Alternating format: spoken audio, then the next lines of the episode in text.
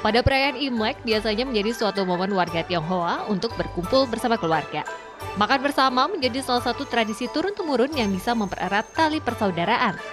Tak jarang, makanan yang disajikan pada saat Imlek mempunyai makna dan nilai-nilai luhur. Salah satu makanan khas tahun baru Cina yang tidak boleh terlewatkan adalah misua. Misua biasanya disajikan bersama dengan topping pelengkap seperti rumput laut dan telur ayam. Proses pembuatan misua sebenarnya bisa direbus atau digoreng.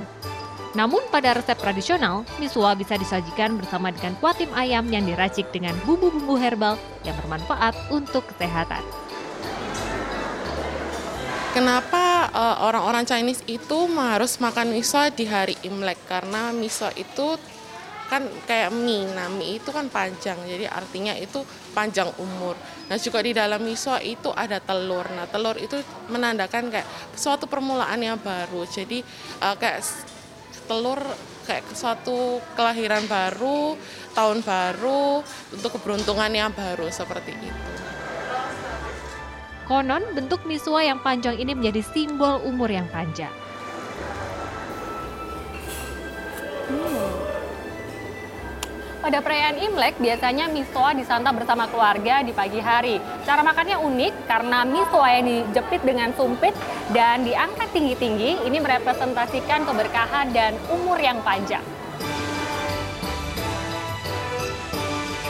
Tidak hanya misua, ada satu lagi kuliner wajib yang dihidangkan saat perayaan Imlek yaitu kue keranjang.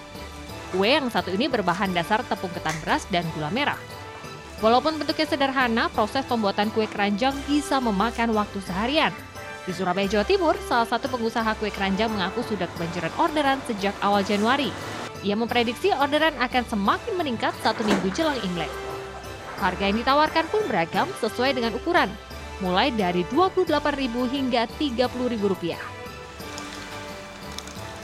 Ada peningkatannya sedikit lah dari tahun kemarin. Nanti ini ya masih kurang seminggu lagi nanti ada peningkatan lagi dari kemungkinan sampai dari 4.000 sampai 6.500 nanti ini akan meningkat lagi.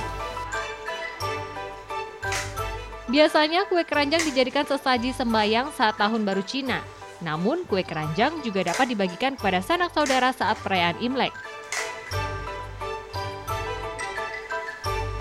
Kue keranjang menjadi salah satu kuliner wajib yang menemani perayaan Imlek. Nah, kue ini sendiri dipercaya menjadi sumber keberuntungan.